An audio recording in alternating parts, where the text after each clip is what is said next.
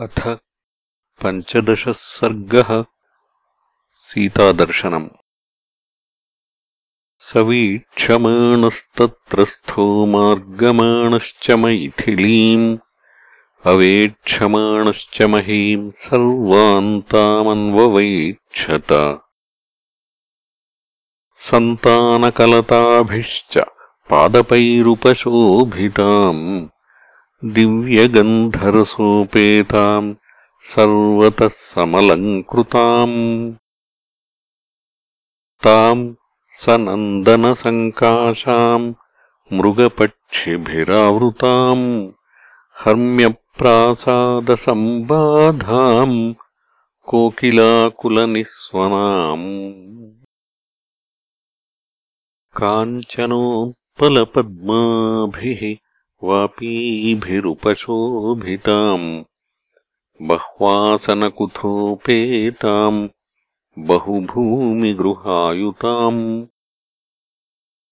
सर्वत्तुकुसुमैरम्याम् फलवद्भिश्च पादपैः। पुष्पितानामशोकानाम् श्रिया सूर्योदयप्रभाम्। प्रदीप्तामिव तत्रस्थो मारुतिः समुदैक्षत निष्पत्रशाखाम् विहगैः क्रियमाणामिवासकृत्। विनिष्पतद्भिः शतशः चित्रैः पुष्पावतंसकैः आमूलपुष्पनिचितैः अशोकैः शोकनाशकैः पुष्पभारातिभारैश्च स्पृशद्भिरिव मेदिनीम् कर्णिकारैः कुसुमितैः किंशुकैश्च सुपुष्पितैः। सदेशः प्रभया तेषाम् प्रदीप्तैव सर्वतः पुन्नागाः सप्तवर्णाश्च चम्पकोद्दालकास् तथा विवृद्धमूला बहवः शोभन्ते स्म सुपुष्पिताः शातकुम्भनिभाः केचित् केचिदग्निशिखोपमाः नीलाञ्जननिभाः केचित्तत्राशोकाः सहस्रशः नन्दनम् विबुधोद्यानम् चित्रम् चैत्ररथम् यथा। अतिवृत्तमिवाचिन्त्यम् दिव्यम् रम्यम् श्रियावृतम् द्वितीयमिव चाकाशम् पुष्पज्योतिर्गणायुतम्। पुष्परत्नशतैश्चित् पञ्चमम् सागरम् यथा सर्वर्तुपुष्पैर्निचितम् पादपैर्मधुगन्धिभिः नानानिनादैरुद्यानम् रम्यम् मृगगणैर्द्विजैः अनेकगन्धप्रवहम् पुण्यगन्धम् मनोरमम् शैलेन्द्रमिव गन्धाढ्यम् द्वितीयम् गन्धमादनम्। अशोकवनिकायाम् तु तस्याम् वानरपुङ्गवः स ददर्शाविदूरस्थम् चैत्यप्रासादमुच्छ्रितम्। मध्ये स्तम्भसहस्रेण स्थितम् कैलासपाण्डुरम् प्रवाळकृतसोपानम् तप्तकाञ्चनवेदिकम् मुष्णन्तमिव चक्षूंषि द्योतमानमिव श्रिया विमलम् प्रांशुभावत्वात् उल्लिखन्तमिवाम्बरम् ततो मलिनसंवीताम् राक्षसीभिः समावृताम्। उपवासकृशान् दीनान् निःश्वसन्तीम् पुनः पुनः। ददर्शशुक्लपक्षादौ चन्द्ररेखामिवामलाम्। मन्दप्रख्यायमानेन रूपेण रुचिरप्रभाम् पिनद्धान् धूमजालेन शिखामिव विभावसोः। पीतेनैकेन संवीताम् क्लिष्टेनोत्तमवाससा। सपङ्कामनलङ्काराम् विपद्मामिव पद्मिनीम्। व्रीळितान् दुःखसन्तप्ताम् परिम्लानाम् तपस्विनीम् ग्रहेणाङ्गारकेणेव पीडितामिव रोहिणीम्। अश्रुपूर्णमुखीम् दीनाम् कृशामनशनेन च शोकध्यानपराम् दीनाम् नित्यम् दुःखपरायणाम्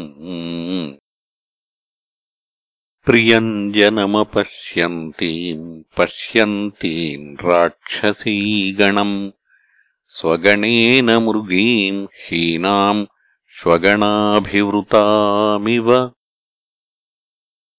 नीलनागाभयावेण्याजघनम् गतयैकया नीलया नीरदापाये वनराज्यामहीमिव।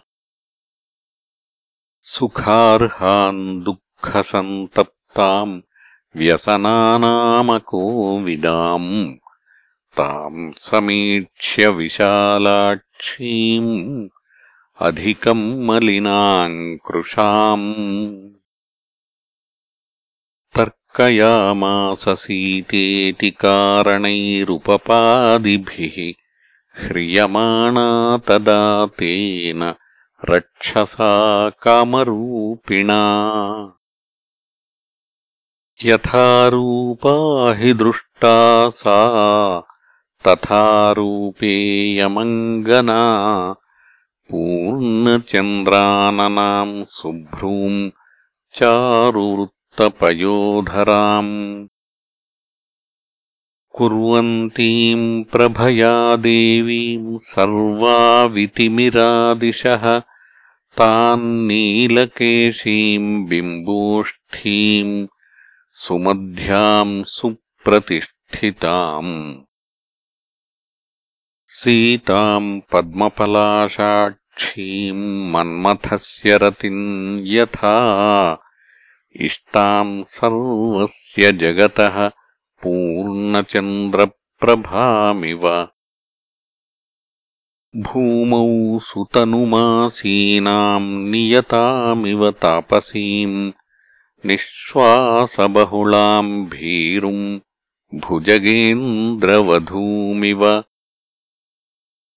शोकजालेन महता विततेन न राजतीम् संसक्तान् धूमजालेन शिखामिव विभावसोः। ताम् स्मृतीमिव सन्दिग्धाम् रुद्धिम् निपतितामिव विहतामिव च श्रद्धाम् आशाम् प्रतिहतामिव। सोपसर्गाम् यथा सिद्धिम् बुद्धिम् सकलुषामिव अभूतेनापवादेन कीर्ति निपतितामिव रामोपरोधव्यथिताम् रक्षोहरणकर्षिताम् अबलाम् मृगशाबाक्षीम् वीक्षमाणाम् ततस्ततः बाष्पाम्बुपरिपूर्णेन कृष्णवक्राक्षिपक्ष्मणा वदनेनाप्रसन्नेन निःश्वसन्तीम् पुनः पुनः मलपङ्कधराम् दीनाम् मण्डनार्हाममण्डिताम् प्रभान्नक्षत्रराजस्य कालमेघैरिवावृताम्। तस्य सन्दिदिहे बुद्धिः मुहुः सीतान्निरीक्ष्यतु आम्नायानामयोगेन विद्याम् प्रशिथिलामिव। दुःखेन बुबुधे सीताम् हनुमाननलङ्कृताम्। संस्कारेण यथा हीनाम् वाचमर्थान्तरङ्गताम्। ताम् समीक्ष्य विशालाक्षीम् राजपुत्रीमनिन्दिताम्। तर्कयामास सीतेति कारणैरुपपादिभिः वैदेह्यायानि चाङ्गेषु तदा रामोऽन्वकीर्तयत् तान्याभरणजालानि शाखाशोभीन्यलक्षयत्। सुकृतौ कर्णवेष्टौ च श्वदंष्ट्रौ च सुसंस्थितौ मणिविद्रुमचित्राणि हस्तेष्वभरणानि च श्यामानि चिरयुक्तत्वात्तथा संस्थानवन्ति च तान्येवैतानि मन्येऽहम् यानि रामोऽन्वकीर्तयतु।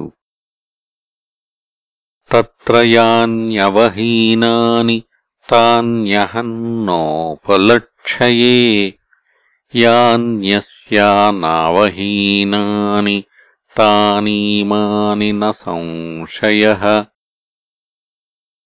पीतम् कनकपट्टाभम् स्रस्तम् तद्वसनम् शुभम्। उत्तरीयन्नगासक्तम् तदा दृष्टम् प्लवङ्गमैः।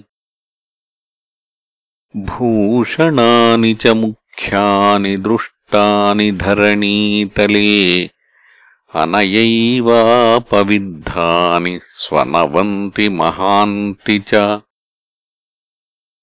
इदम् चिरगृहीतत्वात्वसनम् क्लिष्टवत्तरम् तथापि नूनम् तद्वर्णम् तथा श्रीमद्यथेतरत्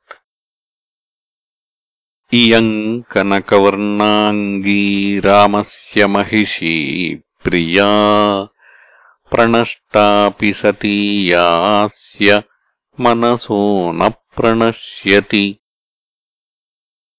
इयम् सा यत्कृते रामः चतुर्भिः परितप्यते कारुण्येनारुशंस्येन शोकेन मदनेन च स्त्रीप्रणष्टेति कारुण्यात् आश्रितेत्यानृशंस्यतः पत्नी नष्टेति शोकेन प्रियेति मदनेन च अस्या देव्या यथारूपम् अङ्गप्रत्यङ्गसौष्ठवम् रामस्य च यथारूपम् तस्येयमसि ते क्षणा अस्या देव्या मनस्तस्मिन् तस्य चास्याम् प्रतिष्ठितम् तेनेयम् स च धर्मात्मा मुहूर्तमपि जीवति दुष्करम् कृतवान् रामो हीनो यदनया प्रभुः। धारयत्यात्मनो देहम् न शोकेनावसीदति। दुष्करम् कुरुते रामो य इमाम् मत्तकाशिनीम् सीताम् विना महाबाहुः मुहूर्तमपि जीवति। एवम् सीताम् तदा दृष्ट्वा हृष्टः पवनसम्भवः। जगाममनसा रामम् प्रशशंस च तम् प्रभुम्। इत्यार्षे श्रीमद् रामायणे वाल्मीकीये आदिकाव्ये सुन्दरकाण्डे। पञ्चदशः सर्गः